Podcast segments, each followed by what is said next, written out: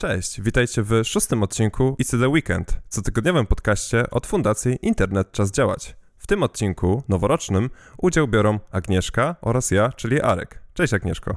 Cześć, witajcie.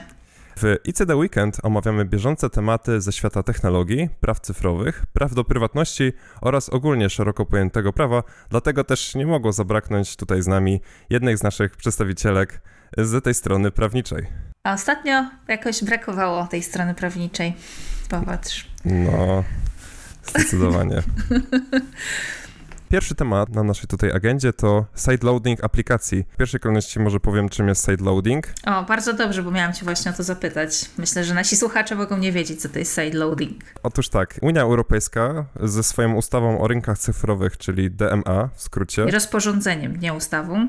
O, okay. Ale tak. Dobrze, dobrze. No widzisz, dlatego tutaj jesteś potrzebna.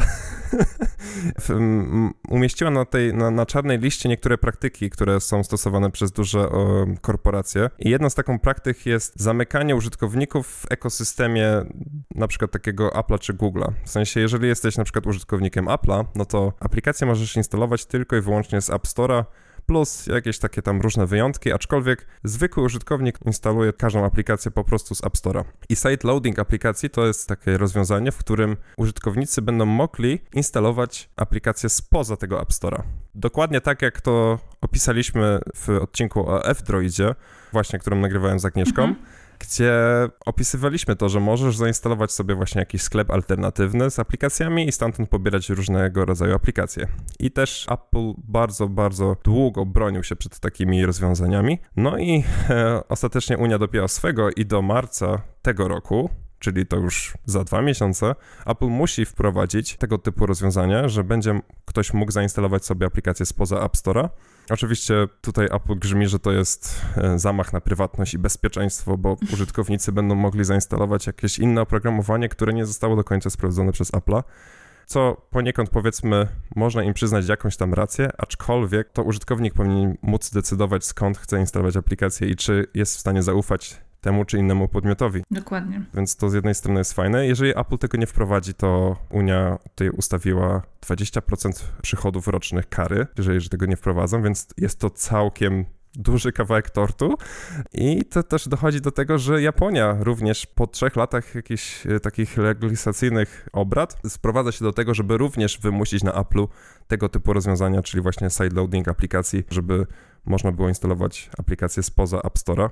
Więc być może, jeżeli do tego naszego tutaj garnuszka Unii Europejskiej dojdzie Japonia, prawdopodobnie dojdą też inne państwa, to być może Apple po prostu otworzy to i nie będzie takiej sytuacji, że teraz użytkownicy Unii Europejskiej będą mogli korzystać z zewnętrznych aplikacji spoza App Store, a na przykład ci w Stanach Zjednoczonych wciąż będą, e, jak to się mówi, gatekeepowani, no, mhm. zamknięci w tej swojej, w tym, tej swojej klatce Apple'a i nie będą mogli zainstalować tego spoza. Jeszcze takich z ciekawostek to tutaj również operatorzy płatności, bo dzisiaj jest tak, że płatności są realizowane przez jakąś tam usługę od na przykład Google'a, każda aplikacja będzie miała możliwość, jeżeli udostępnia jakieś na przykład subskrypcje, tego typu rzeczy w swojej aplikacji, to że nie, nie będzie musiał być to konkretnie operator płatności od Google'a, tylko będzie mógł być to jakiś inny operator. I tutaj przychodzi mi na myśl od razu Spotify i Netflix, które pewnie od razu pójdą w, w tego typu rozwiązania, żeby mieć swoje o, jakby obsługę płatności, żeby nie płacić haraczu takiemu Apple'owi na przykład 15-30% nie?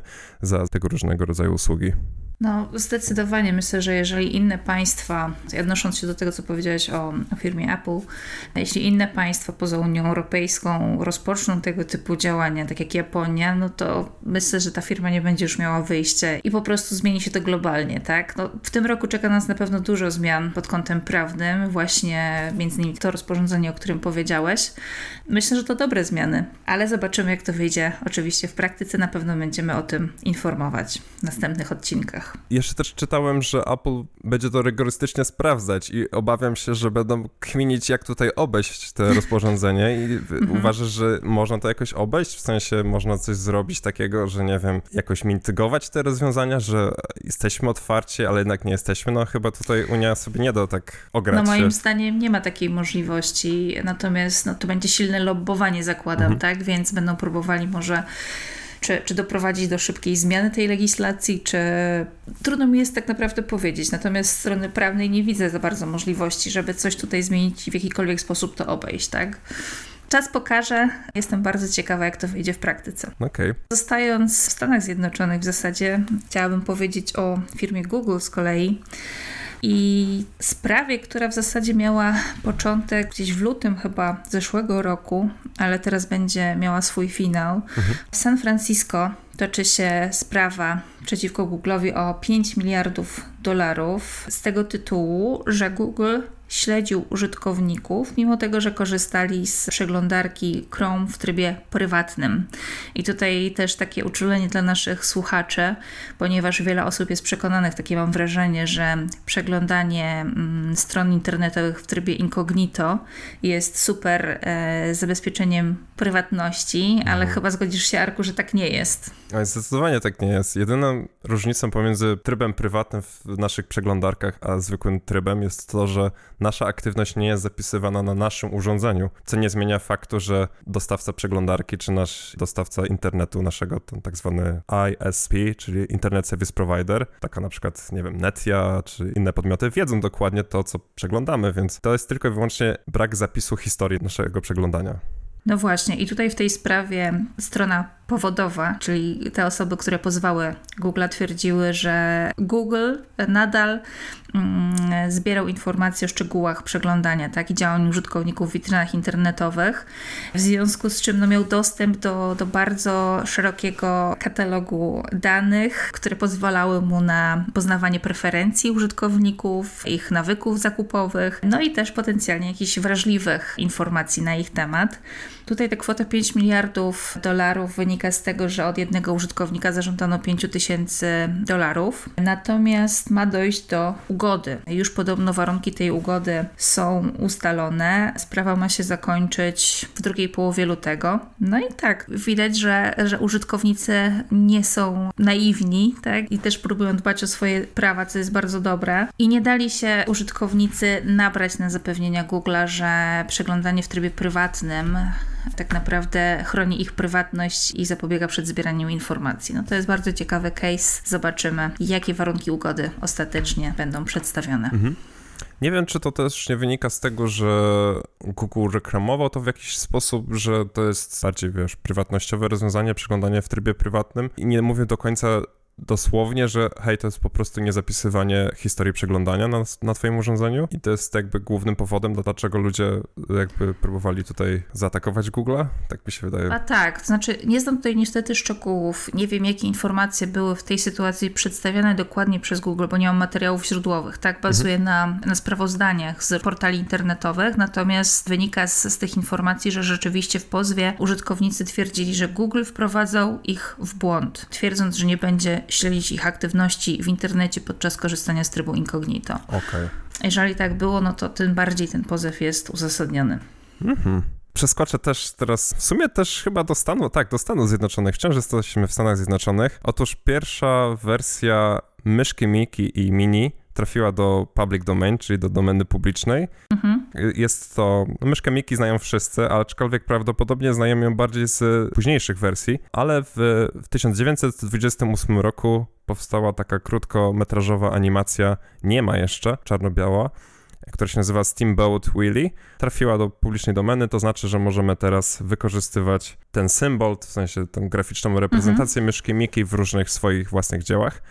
I teraz y, z jednej strony to jest spoko, w sensie, że to trafiło do publicznej domeny, ponieważ te prawa autorskie po 95 latach wygasły, ale zastanawiam się, bo jakby wszyscy, którzy wykorzystają taką myszkę Miki z, z, z, tego filmu i w jakiś tam sposób ją przerobią, czy nawet nie za bardzo ją przerobią, to wciąż ludziom może się kojarzyć jednocześnie z Disneyem. I teraz pytanie, czy Disney będzie mógł jak dobrze rozumiem, będzie chciał bronić swoich praw autorskich wciąż, ponieważ może, nie wiem, zarzucić, że, że to się kojarzy, że to oni wypuścili, a nie ten ktoś. Na przykład, nie wiem, tworzysz sobie koszulkę, nie? Jakąś ten t-shirt mhm. i robisz sobie na tym myszkę Miki z jakimś swoim podpisem, a ty będzie jakby implikować to, że ludzie będą myśleć, że to wydał Disney, a nie ty, no to Disney może przyjść do ciebie i cię oskarżyć, tak, o jakieś naruszenie Znaczy, moim zdaniem jak najbardziej. Jedną kwestią jest wykorzystywanie, ponieważ właśnie ta graficzna prezentacja myszki Miki trafia do domeny publicznej, ale drugą kwestią jest pytanie, jak to będzie wykorzystywane.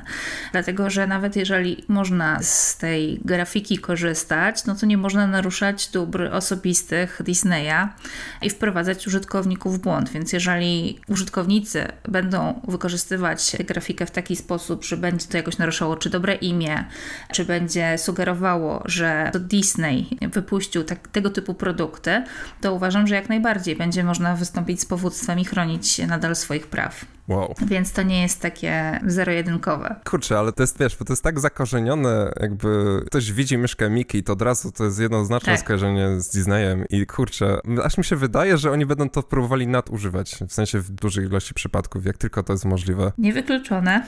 Zobaczymy, jak to się rozwinie. Na pewno będziemy też śledzić ten temat i informować naszych użytkowników. Jeżeli będziecie mieć pytania, jak, jak i czy można wykorzystać wizerunek myszki Miki czy myszki Mini, no to możecie do nas pisać i postaramy się, postaramy się rozwinąć ten temat. Oj tak. Dobrze, to kolejny temat jest od Ciebie, Agnieszko. Ja wiesz co, przeskoczę na chwilę do Polski i po pierwsze chciałabym wrócić do tematu. Żyjemy tym jednak i nie, nie mogę się e, mhm. powstrzymać od wspomnienia o wyborze nowego prezesa Urzędu Ochrony Danych Osobowych. Zresztą brałaś udział, byłaś tak. w Sejmie tak, byłam w Sejmie. To może powiem troszkę o tej debacie, która miała miejsce wtedy w grudniu, jeszcze przed świętami. No, byłam mo mocno zaskoczona jej przebiegiem i tym, że ostatecznie siedmiu kandydatów, aż siedmiu kandydatów brało w niej udział, co spowodowało, że ograniczony czas na zadawanie pytań i, i na ustosunkowanie się do nich przez kandydatów był bardzo ograniczony.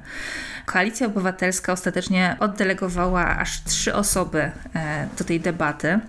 Wiecie co, idea była bardzo fajna, tak? Mieliśmy poczucie, że, że, no to jest zupełnie nowa jakość w porównaniu do tego, co było, bo jednak nigdy kandydaci tak otwarcie nie rozmawiali z przedstawicielami organizacji społecznych czy, czy obywatelami, no ale nie ukrywajmy, tutaj myślę, że był bardzo duży nacisk i, i lobowanie ze strony Fundacji Panoptykon, mhm. za co myślę, że musimy im wszyscy podziękować. No i jak to wyszło? Mam poczucie, że jednak ta debata nie miała faktycznego wpływu na ostateczne zgłoszenie kandydatów. Musicie wiedzieć, że zanim ta debata się odbyła, jedynym formalnie zgłoszonym kandydatem był Jakub Groszkowski, czyli aktualny zastępca prezesa Urzędu Ochrony Danych Osobowych, bardzo młody człowiek, który tak naprawdę chyba ma doświadczenie wyłącznie w, w administracji publicznej i w właśnie pełnieniu tej funkcji zastępcy.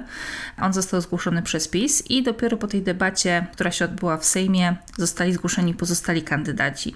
Ja byłam dość mocno zaskoczona tym, że nie został zgłoszony profesor Sibika, który ma bardzo duży dorobek naukowy, ale też jest praktykiem i reprezentował wiele podmiotów, tym bardzo dużych, czy doradzał im tak w zakresie prywatności, czy w innych sprawach. Nie został ostatecznie zgłoszony kandydat tak zwany społeczny, czyli Mirosław Gumularz, który pod petycją dotyczącą właśnie zgłoszenia go jako kandydata podpisało się ponad tysiąc osób. Mhm. Został zgłoszony poza Jakubem Groszkowskim, tym z PiSu, Mirosław Wróblewski przez Koalicję Obywatelską. Jest to radca prawny, który zajmował się jako kojarzy głównie z zajmowania się tematyką praw człowieka. Reprezentował też strony przed Europejskim Trybunałem Praw Człowieka, a pozostałe dwie osoby no, są de facto nieznane środowisku. I teraz czekamy na posiedzenie Sejmu, które odbędzie się w dniach 10-11 stycznia i wtedy jest przewidziany już ostateczny wybór prezesa Urzędu Ochrony Danych Osobowych. Jeśli nie wygra Mirosław Wróblewski, to powiem szczerze, że będę bardzo rozczarowana i bardzo zawiedziona, no, ujawniam tutaj moje poglądy, ale to jest jedyna de facto osoba, myślę, merytorycznie najmocniejsza z tej, z tej czwórki, która powinna otrzymać ten urząd powiem szczerze, że nie do końca mam takie poczucie, że ta debata cokolwiek wniosła i że miała wpływ na ostateczny wybór kandydatów. No bo poza Mirosławem Wróblewskim rzeczywiście najmocniejsi byli Grzegorz Sibika i właśnie Mirosław Gumularz, który był tym kandydatem z lewicy. Mhm. Wszystko więc się rozbiło tak naprawdę o politykę, o to, która partia ma obsadzić jakie stanowiska i tak dalej. Troszkę jest niesmak, natomiast no, sam fakt, że ta debata się odbyła, należy ocenić pozytywnie, tak? Znaczy się też czasem uważam, że niektóre rzeczy są jakby takimi działaniami pozorowymi nie? że mamy tutaj debatę, a i tak naprawdę koniec końców do jakby głównego stołka dostaje się ten, kto jest zgłoszony przez jakby opcję rządzącą, czy jakby tą, którą ma możliwość stanowienia prawa. No miejmy nadzieję, że z nowym prezesem będziemy mieli lepsze stosunki niż z obecnym, którego, który jest tak inkognito, że jak ktoś powiedział w trakcie tej debaty, że go nikt nie zna, nikt go nie widział, że jest tak bardzo... Tak nieznany, czy coś w tym sensie, dobrze dba o swoją prywatność, w sensie, no... Hmm. No, tak, tak, tak, zdecydowanie. No jednak nie pojawiał się, nie był tak aktywny mhm. w ramach różnego rodzaju wydarzeń, zdecydowanie bardziej aktywny był ten zastępca, czyli Jakub Groszkowski, który też aktualnie ubiega się o stanowisko prezesa. No ale zobaczymy. Myślę, że gorzej nie będzie. No to zaraz wyskakując z Polski na chwilę temat powrotem ze Stanów Zjednoczonych. Otóż jeżeli spędzaliście Sylwestra w dobrym towarzystwie i w dobrej atmosferze przy różnych rzeczach, ja na przykład z rodziną grałem na konsoli PlayStation od firmy Sony w pewną grę kooperacyjną, ale nie mieli tak dobrze klienci kin Alamo Draft House ze Stanów Zjednoczonych, gdzie były zainstalowane projektory od firmy Sony i okazało się, że te projektory otrzymały update po południu w Sylwestra. Te projektory przestały działać. I okazało się, że to jest jakiś błąd w oprogramowaniu, ponieważ one się zaktualizowały i to dotknęło wiele lokalizacji, m.in. Nowy Jork, Denver, San Francisco. I klienci, którzy mieli wykupione bilety na jakieś seanse, no musieli po prostu przekładać te seanse, bądź też odwoływać i żądać zwrotu kosztów od kina. Więc bardzo się zdziwiłem to, że są projektory, które są podłączone do internetu i się aktualizują i oprogramowanie mhm. może popsuć ich najważniejszą funkcję, czyli wyświetlanie obrazu, więc żyjemy w bardzo dziwnych czasach. Powiem Ci, że też jestem zaskoczona, ale słyszałem już o możliwości hakowania van i innych urządzeń domowych, więc w sumie nie powinno nas dziwić, że projektory też są zależne mhm. od internetu, ale, ale rzeczywiście nie pomyślałabym. No, przykra niespodzianka. Jeżeli chcecie więcej posłuchać o Internet of Things, e, gdzie też z Kubą mieliśmy bardzo, bardzo humorystyczne podejście do tego, mówiąc o tym, że to jest Internet of Shit, to mamy odcinek o tym, ale też zauważyłem z Kubą, że zmieniliśmy trochę swoje nastawienie, zwłaszcza Kuba, który home automizuje swój dom z wieloma różnymi rzeczami, typu jakieś inteligentne lampki czy włączniki, więc odsyłam do tego odcinka. A tymczasem możemy przejść do kolejnego tematu, który jest, Agnieszko, od ciebie. Tak, ale zanim przejdziemy, to muszę powiedzieć, że chyba powinniśmy przegadać to z Kubą i, i, zapytać go właśnie, czemu zmienił podejście. Myślę, że to jest dobry temat na powrót do kwestii Internet of Things mhm. i co wpłynęło na zmianę podejścia Kuby. Ale dobrze. Żarty żartami. Ja z kolei chciałabym jeszcze wspomnieć o, o, dwóch tematach. Najpierw Unia Europejska tym razem i ciekawa inicjatywa Komisji Europejskiej, która też została zapoczątkowana jeszcze w, gdzieś chyba w pierwszym kwartale zeszłego roku i teraz ma swój finał, powiedzmy, jakieś skonkretyzowanie wyświetlania banerów i odbierania zgód na cookies. Komisja Europejska postanowiła zająć się tym tematem, zauważając i zmęczenie biznesu, i zmęczenie użytkowników tymi banerami, które nam się wyświetlają, brakiem jakichś takich jasnych, jednolitych zasad dotyczących odbierania zgód. No i wśród postulatów Komisji Europejskiej znalazły się między innymi takie propozycje, że gdy treść na jakiejś stronie jest finansowana przynajmniej częściowo z reklam, powinno to być jasno na początku wyjaśnione użytkownikom, tak żeby wiedzieli na co się godzą i z czym wiąże się tak naprawdę udzielenie przez nich zgody. Dodatkowo skupiają się tutaj w tych propozycjach na tym, że model biznesowy właśnie jakiejś strony internetowej, jakiejś usługi internetowej ma być od razu na początku wyjaśniony e, użytkownikowi. No i wśród tych postulatów takich bardziej szczegółowych to, że zgoda na pliki, ku, pliki cookie, no tak, takim pojęciem posługuje się Komisja Europejska. Zgoda na cookie dla celów reklamowych nie powinna być konieczna dla każdego pojedynczego trackera. Ponadto nie będzie wymagana oddzielna zgoda na cookie wykorzystywane do zarządzania modelem reklamowym. To jest dla mnie trochę takie skomplikowane, powiem mhm. szczerze, bo, bo jeden z postulatów brzmi tak, że nie będzie wymagana oddzielna zgoda na cookie wykorzystywane do zarządzania modelem reklamowym wybranym przez konsumenta, ponieważ ponieważ konsumenci wyrazili już swój wybór jednego z modeli biznesowych. To jest trochę, powiem Ci, że popłynęła komisja, moim zdaniem tutaj już, bo nie jest to dla mnie klarowne. Natomiast dobry postulat jest na przykład taki, żeby konsument nie był proszony o akceptację cookies przez pewien czas od ostatniego wyrażenia swoich preferencji, tak? Czyli na przykład dzisiaj klikam, że nie chcę być śledzona, żeby przy kolejnych odwiedzinach strony znów nie pojawił mi się ten banner, tak? Bo to też jest bardzo no, męczące i uciążliwe dla użytkownika. Czyli no, wniosek jest taki, że jeżeli odmówię tej zgody na stosowanie cookies, mój wybór powinien być zapisany i przechowywany przez operatora danej strony internetowej. No, tych postulatów jest trochę więcej. Ostatnio odniosła się do nich właśnie Europejska Rada Ochrony Danych Osobowych, która skupia przedstawicieli z wszystkich organów nadzorczych w Unii Europejskiej. No i oni się odnieśli częściowo pozytywnie do tych postulatów, natomiast no, zwrócili uwagę na pewne niuanse. Trochę chyba zgasili ten entuzjazm Komisji Europejskiej i wskazali, że jednak musi być bardzo dokładnie wyjaśnione, na co użytkownik się zgadza i nawet jeżeli mamy niezbędne cookies, ale wiążą się one z przetwarzaniem danych osobowych, no to już na wstępie użytkownik powinien być o tym informowany. Tutaj mała dygresja może. Wielokrotnie już o tym mówiliśmy, że jeśli chodzi o cookies, no to mamy dwie regulacje, tak? Z jednej strony mamy na poziomie krajowym w Polsce prawo telekomunikacyjne, na poziomie europejskim jest dyrektywa e-privacy, no i mamy RODO.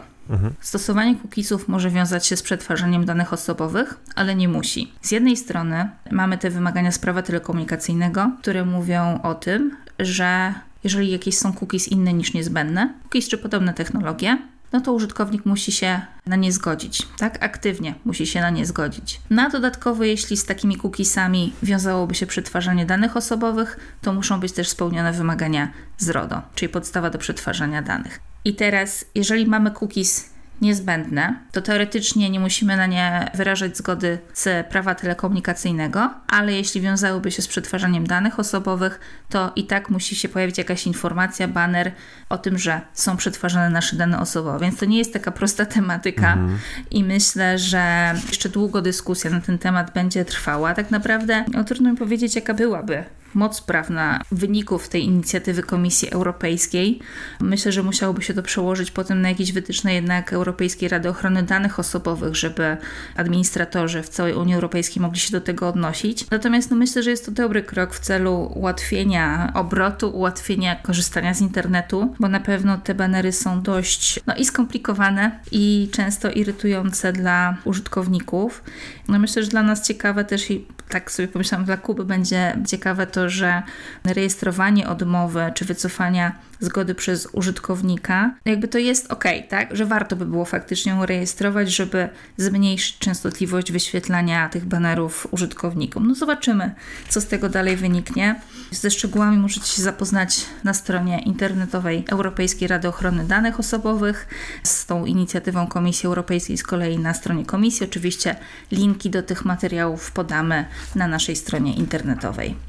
To jedno takie pytanie, jakie mi przychodzi do głowy, tak na pierwszy rzut oka, jak powiedziałaś o tym, że przez jakiś czas będzie trzeba przechowywać informacje o tym, że użytkownik nie wyraził zgody na mhm. stosowanie cookies, no i przez jakiś czas nie będziemy mu pokazywać tego baneru. I już tak sobie myślę o takim wytrychu ze strony administratorów, że na przykład będziemy zmieniać te cookiesy na jakieś inne, w sensie na jakichś innych partnerów i to już tamta zgoda tyczyła się na przykład pierwotnie na przykład tych partnerów, a teraz korzystam z jakichś innych partnerów, to co jako administrator będę wyświetlał jeszcze raz ten banner użytkownikowi, bo mógłbym to robić codziennie. Codziennie mógłbym mieć innych partnerów i wiesz, jakoś tak próbować obchodzić to prawo. Nie wiem.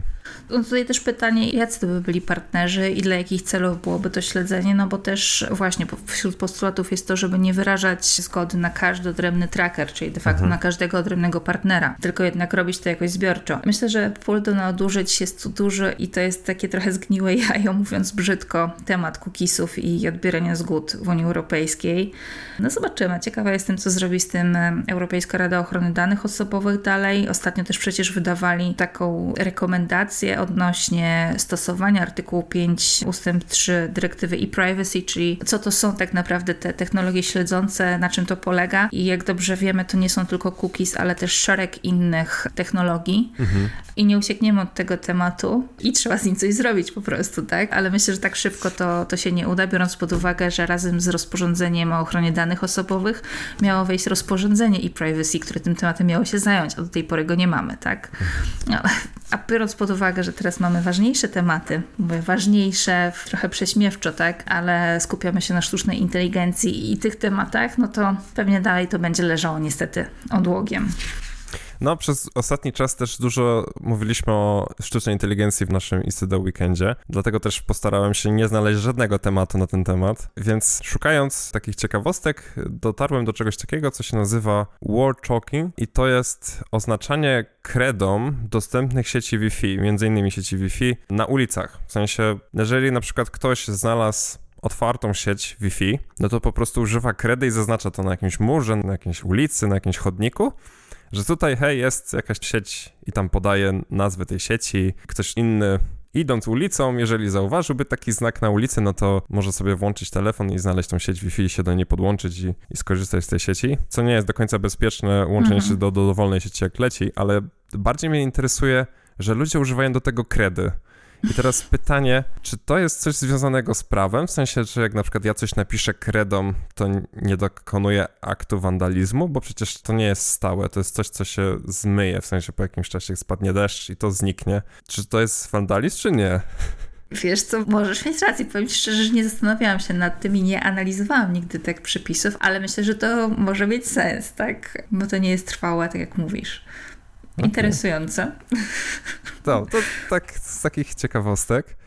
Kolejnym moim tematem jest generalnie artykuł, który często się pojawia w internecie i zwłaszcza na początku nowego roku o jakiejś takiej cyfrowej minimalizacji swojego życia, usuwaniu toksycznych aplikacji, czy też ich ukrywaniu z naszego telefonu, które marnują nasz czas. Chciałem o tym wspomnieć, żeby zachęcając tutaj naszych słuchaczy do tego, żeby przejrzeć swoją galerię aplikacji w swoim telefonie i pomyśleć na przykład, czy jakaś aplikacja jest na pewno potrzebna na moim telefonie i nie zajmuje mi dużo czasu. Jeden z takich aplikacji, w sensie może nawet nie aplikacji, a moich kroków, to wyszedłem ze wszystkich grup e, telegramowych, które były o memach, ponieważ złapałem się na tym, że przeglądam te memy zbyt często i zbyt dużo i zbyt intensywnie.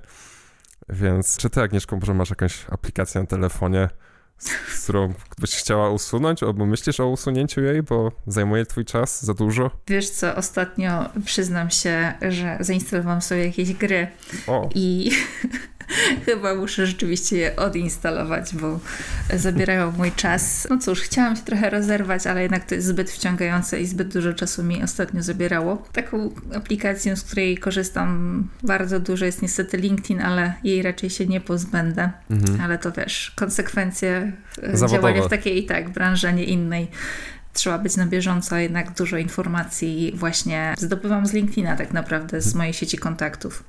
Oj tak, gdy się poznaliśmy z Agnieszką i z Olą, to bardzo się zdziwiłem, że jest tak dużo prawników, to po pierwsze na LinkedInie. Zawsze myślałem, że to jest takie miejsce, gdzie są sami informatycy i nie ma tam nikogo, ale chyba żyłem w swojej jakiejś LinkedInowej bańce. Po drugie, naprawdę duży odbiór naszych materiałów pod kątem prawniczym właśnie jest tylko tam, więc tak. pewnie to zasługa wasza organicznych zasięgów, że właśnie tam ci prawnicy się znajdują i komentują nasze materiały. To jest, to jest całkiem fajne.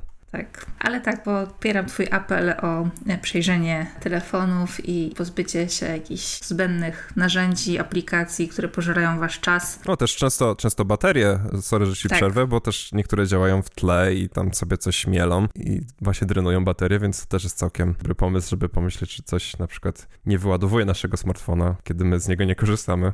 To prawda. I tutaj mogę przejść do, do jeszcze jednego tematu, który mam na dzisiaj i do aplikacji X, dawniej Twitter, z której nie korzystam i przyznaję się, że ją odinstalowałam. A mówię o niej w tym kontekście, że minister zdrowia, były minister zdrowia, przed świętami została opublikowana informacja, że dostał karę 100 tysięcy złotych od prezesa Urzędu Ochrony Danych Osobowych. Mhm. Jak się domyślacie, chodzi o ten słynny wpis na Twitterze, teraz X, z sierpnia 2023 roku, w którym minister Niedzielski opublikował informację o pewnym lekarzu, o wystawionej przez niego recepcie na leki z grupy psychotropowych mhm. i przeciwbólowych. No i to wszystko oczywiście miało kontekst polityczny, bo ten lekarz wcześniej skrytykował ten system do wystawiania e-recept, a potem minister Niedzielski wykorzystał swoje uprawnienia w sposób nieprawidłowy tak naprawdę, bo nie było podstawy prawnej do tego, żeby to zrobić i później sprawdził, co ten lekarz właśnie robił w tym systemie i upublicznił informacje o wystawionej przez niego recepcie dla siebie, tak naprawdę. Co skutkowało oczywiście naruszeniem ochrony danych osobowych tego lekarza, w tym danych wrażliwych, dlatego że informacja o tym, jakie leki sobie przepisał, już pozwala domniemywać, że cierpi na określone przypadłości, tak? Mhm, Więc to jest, mhm. są, są dane wrażliwe. No i Urząd Ochrony Danych Osobowych wziął się za temat na szczęście. Co ciekawe, w ogóle sam minister zdrowia złożył autodonos ostatecznie. Mówię tutaj bardziej o organie, tak? Okay. Złożył zawiadomienie o naruszeniu ochrony danych osobowych, bo jednak doszło tu do nieuprawnionego upublicznienia, tak? I wynikiem e, postępowania jest właśnie ta kara 100 tysięcy złotych. Ta kara jest taka, a nie inna, dlatego że mówimy o organie publicznym, tak? Z sektora publicznego. Jeśli nie wszyscy wiedzą, to przypomnę, że podmioty publiczne mają limit odpowiedzialności z tytułu naruszenia RODO i to jest właśnie 100 tysięcy złotych, więc jest to najwyższa możliwa kara. Jak sam tutaj prezes Urzędu Ochrony Danych Osobowych, bodajże w uzasadnieniu czy w komunikacie, już nie pamiętam, wskazał, gdyby to był podmiot prywatny, to ta kara byłaby tak naprawdę dużo wyższa. Mhm. No i wokół tej decyzji powstało trochę zamieszania czy w ogóle to minister zdrowia powinien ponosić odpowiedzialność za to naruszenie. Minister zdrowia jako organ. Teraz mówimy o, już minister Niedzielski nie pełni tej funkcji, tylko mamy nowego ministra, a w zasadzie ministra zdrowia. I cóż, podatnicy będą musieli zapłacić tę karę de facto, tak? No, nowa minister zdrowia zapowiedziała już, że zostanie złożona skarga do Wojewódzkiego Sądu Administracyjnego i jeśli sąd utrzyma tę decyzję w mocy, bo uzna, że faktycznie to minister jako organ był tutaj administratorem danych, mimo że w ogóle wykorzystał te dane, uzyskał do nich dostęp i upublicznił w zupełnie sposób sprzeczny z ustawą, tak, i z, ze swoimi uprawnieniami. A ja uważam, że jest tutaj możliwość twierdzenia, że Niedzielski był jako osoba fizyczna administratorem, natomiast nie wiem, czy ta argumentacja przekona ostatecznie sąd, bo jest to temat trudny i tak naprawdę niespecjalnie podnoszony do tej pory w polskim orzecznictwie. No to minister powiedziała, że jeżeli ta decyzja zostanie utrzymana w mocy, to zapłaci oczywiście tę karę, natomiast niewykluczone, że będą dochodzić jakiegoś regresu od Adama Niedzielskiego, ale też lekarz, czyli ta osoba bezpośrednio poszkodowana całą sytuacją, może wystąpić czy z powództwem cywilnym, czy tak naprawdę zgłosić zawiadomienie o popełnieniu przestępstwa, jeśli to już nie zostało zrobione, bo musimy też pamiętać, że w ustawie o ochronie danych osobowych, w naszej nowej polskiej ustawie z 2018 roku, mamy przepisy karne, które mówią o tym, że jeżeli ktoś przetwarza dane osobowe, nie będąc do tego uprawniony, mm, może podlegać karze grzywny, ograniczenia wolności lub pozbawienia wolności. W przypadku danych wrażliwych to jest pozbawienie wolności do lat trzech. Hmm.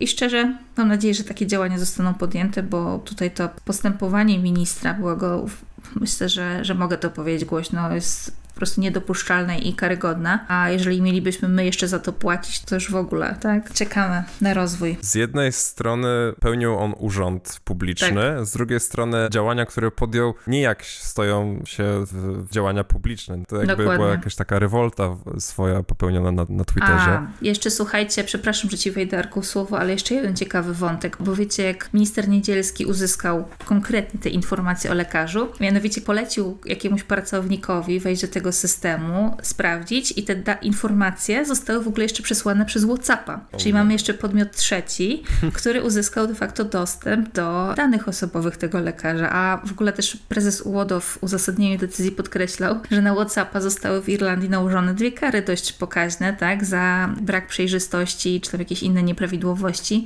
w związku z przetwarzaniem danych osobowych, więc to jeszcze jest dodatkowy wątek, tak? Czyli można pociągnąć ten temat tak, w tym kierunku. Tak, Faktycznie. zdecydowanie. A tak z ciekawości ciekawości, tak jak prezydent jest zwierzchnikiem sił zbrojnych w Polsce, tak, nie wiem, minister zdrowia jest zwierzchnikiem służb medycznych w Polsce? Czy to tak nie działa? W sensie nie wiem. Chyba to tak nie działa. Znaczy, przyznam szczerze, nie znam tej struktury, ale to nie jest tak. No bo bardzo mnie zdziwił fakt, tak. że miał sam minister mógł wejść do systemu i mieć dostęp. To, to, to nie powinno być miejsca, Wiesz bo chyba. Co? Nie no, są pewne zadania ministra, tak, wynikające z ustawy. Musiałabym tutaj, powiem szczerze, zajrzeć do decyzji, bo też nie pamiętam tych wszystkich prerogatyw. Z ustawy o systemie informacji w ochronie zdrowia wynika, że elektroniczna platforma, czyli ta, do której uzyskał dostęp minister, jest systemem teleinformatycznym, który umożliwia w szczególności dostęp ministra właściwego do spraw zdrowia do danych niezbędnych do realizacji zadań określonych w artykule 11 ust. 1 ustawy o świadczeniach opieki zdrowotnej finansowanych ze środków publicznych. No i co się mieści w tym artykule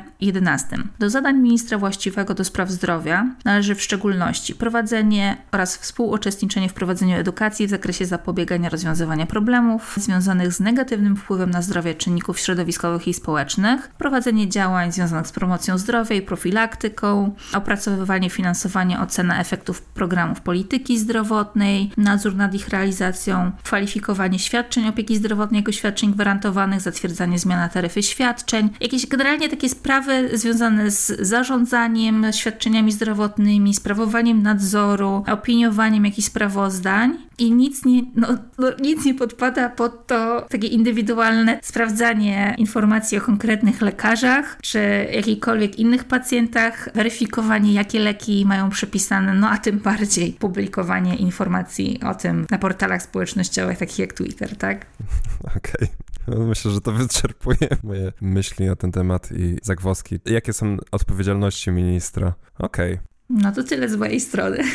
Masz coś jeszcze? Tak, jeszcze dwa tematy. Pierwsze to znowu Sony. Oj, dzisiaj się obrywa temu Sonemu. Tutaj jest sprostowanie do naszego odcinka z ICD Weekend numer 2 o tym, że usunie on ponad 1200 tytułów z biblioteki PlayStation Network, które pochodzą z Discovery. Jednak nie usuną, jednak po 31 grudnia wciąż te wszystkie tytuły, łącznie z takimi klasykami jak Pogromcy Mitów i etc., zostaną w platformie PlayStation Store. No a zdarzyło się tak dlatego, że uwaga, uwaga, streamingowy serwis Max, wcześniej to zwane HBO Max, straciło 2,5 miliona subskrybentów w ciągu ostatnich 6 miesięcy i po tym ogłoszeniu okazało się, że jednak Warner Bros. Discovery nie usunie rzeczy z PlayStation Store, że one tam zostaną. No i tak sobie myślę, to pozostanie dlatego, że umowy licencyjne zostały zaktualizowane, na które użytkownicy wyrażają zgodę kupując jakiś, nie wiem, materiał właśnie cyfrowy, znaczy kupując prawa do jakiegoś materiału cyfrowego.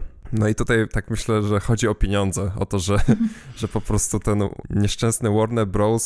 stwierdził, że no ich platforma no nie przynosi takich zysków, więc pozostawiają swoje tytuły w PlayStation Store, czyli mhm. jakby w konkurencji powiedzmy, nie? Więc jednak jest jakiś pozytywny aspekt tej historii. Niemniej jednak, przeglądając też Mastodona ostatnio, napotkałem na informację od pewnego użytkownika, który oglądał sobie taki bardzo, bardzo stary, starą komedię amerykańską z chyba 1936 mhm. roku, który nazywa się After the Thin Man i to było właśnie w tym HBO Max, w tej platformie. Zapauzował to oglądanie przed północą i po północy, kiedy już fajerwerki opadły i tak dalej, chciał wrócić do oglądania, no to się okazało, że już kontent jest niedostępny.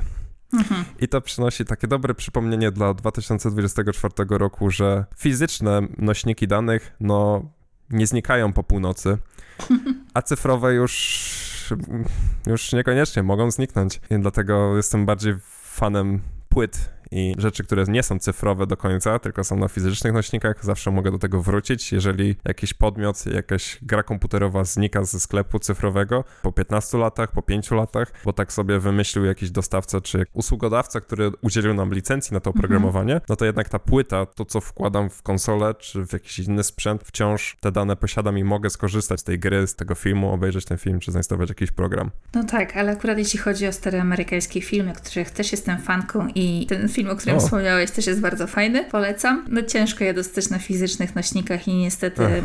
można je oglądać tylko online, mhm. nad czym ubolewam. No, ale to jest temat na inny, inny podcast i inne, inne okoliczności, także... No dobrze, to jeszcze ostatni tutaj materiał z mojej strony. Generalnie o Mastodonie, o którym wiele razy mówimy w tym podcaście, o całej sieci Fediverse. Napotkałem ostatnio post z konta FediTips. To jest takie konto, które publikuje różnego rodzaju wskazówki odnośnie odnośnie Fediversum i różne rozwiązania, jakieś na przykład jakie warto profile followować na Mastodonie i innych tych tutaj Fediversowych sieciach. No ja napotkałem na taką listę starych systemów operacyjnych typu jakiś tam Macintosh od Apple'a, jakiś Windows 9.5 czy też MS-DOS i Commodore, Amiga i, i co nie tylko. I okazało się, że ludzie do dzisiaj tworzą klienty Mastodona dla tych starych komputerów z lat 80., 90.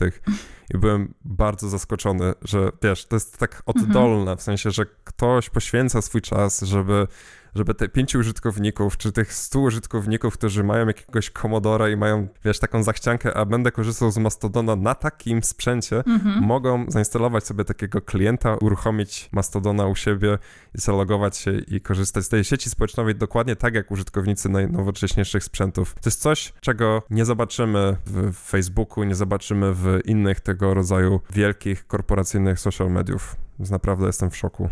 No ja też jestem zaskoczona, ale fajne w sumie. Zupełnie inne podejście niż takie powszechne dzisiaj, tak? Gdzie musisz wszystko wyrzucić, bo już się nie nadaje do korzystania z czegoś, tam musisz mieć jak najnowszy sprzęt i tak dalej. Tak, tak, tak, no wiesz, nie wiem, twój, twój komputer się zestarzał i te półprzewodniki już tam nie domagają i musisz, nie wiem, kupić wszystko nowe i wygenerować milion elektrośmieci, ponieważ, Mhm. bo, ponieważ ktoś z góry sobie zdecydował, że już nie będziesz mogł uruchomić tego czy innego oprogramowania. No to jest kompletnie inne tutaj podejście i naprawdę polecamy, jeżeli nie macie jeszcze żadnych cyfrowych postanowień na 2024 rok, to zainteresowanie się siecią Fediversum, czy na przykład Mastodonem, Pixelfedem, tego typu aplikacjami, to jak najbardziej polecamy. Tak, absolutnie. Dobrnęliśmy do końca. Dobrnęliśmy, ja myślę, że nawet dopłynęliśmy i to jak na takim jachcie bardzo szybko i, i sprawnie, który mam nadzieję wyemitował bardzo mało CO2. Dobrze, to dziękujemy serdecznie Wam za uwagę. Słyszymy się w kolejnym odcinku It's the Weekend już za tydzień i życzymy Wam szczęśliwego nowego roku. Wszystkiego dobrego. Do zobaczenia, cześć, cześć. Cześć. Jeżeli przypadł Ci do gustu nasz podcast, zachęcamy do wspierania nas na Patronite i na LiberaPay. Umożliwia nam to pokrywanie kosztów naszej inicjatywy, takich jak serwery, na których utrzymujemy nasze strony, filmy i podcasty, czy ilustracje do naszych artykułów.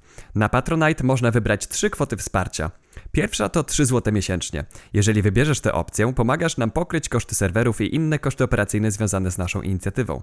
Druga to 7 zł miesięcznie. Jeżeli wybierzesz tę opcję, dostaniesz dostęp do tzw. grupy patronów, czyli czatu, na którym możesz rozmawiać ze mną, z Arkiem i z Agnieszką, a z Olą oraz innymi patronami. Internet, czas działać. E, Dzielimy się tam zakulisowymi informacjami i pomagamy sobie nawzajem w odkrywaniu nowych, otwartych rozwiązań, a czasem nawet udzielamy sobie nawzajem wsparcia technicznego i prawnego. Czat jest dostępny za pomocą Matrixa oraz Telegrama. Postawiliśmy mostek, dzięki któremu masz dostęp do całej dyskusji, niezależnie od tego, którą platformę wybierzesz. Członkowie grupy są też zapraszani na comiesięczne spotkania wideo z całym naszym zespołem. Trzecia kwota na Patronite to 14 zł miesięcznie. Wybierając tę kwotę, dostaniesz dostęp do grupy patronów, a także Twój pseudonim lub imię i nazwisko zostaną wyczytane na końcu naszych odcinków, o ile Twoja darowizna nie jest anonimowa oczywiście. Oto aktualni patroni, którzy właśnie tak szeroko otworzyli swoje serca i portfele na rzecz naszej inicjatywy. Artur Markowski, Damian Haugas, Dawid Gosławski, Filip Fifando, Grzegorz Cichocki, Gustaw Tański, Krzysiu Weiss, Łukasz Hawryłko, Łukasz Nachaczewski, Marcin Karwowski, Mateusz Jabłoński, Miklo i Monika Koperkiewicz.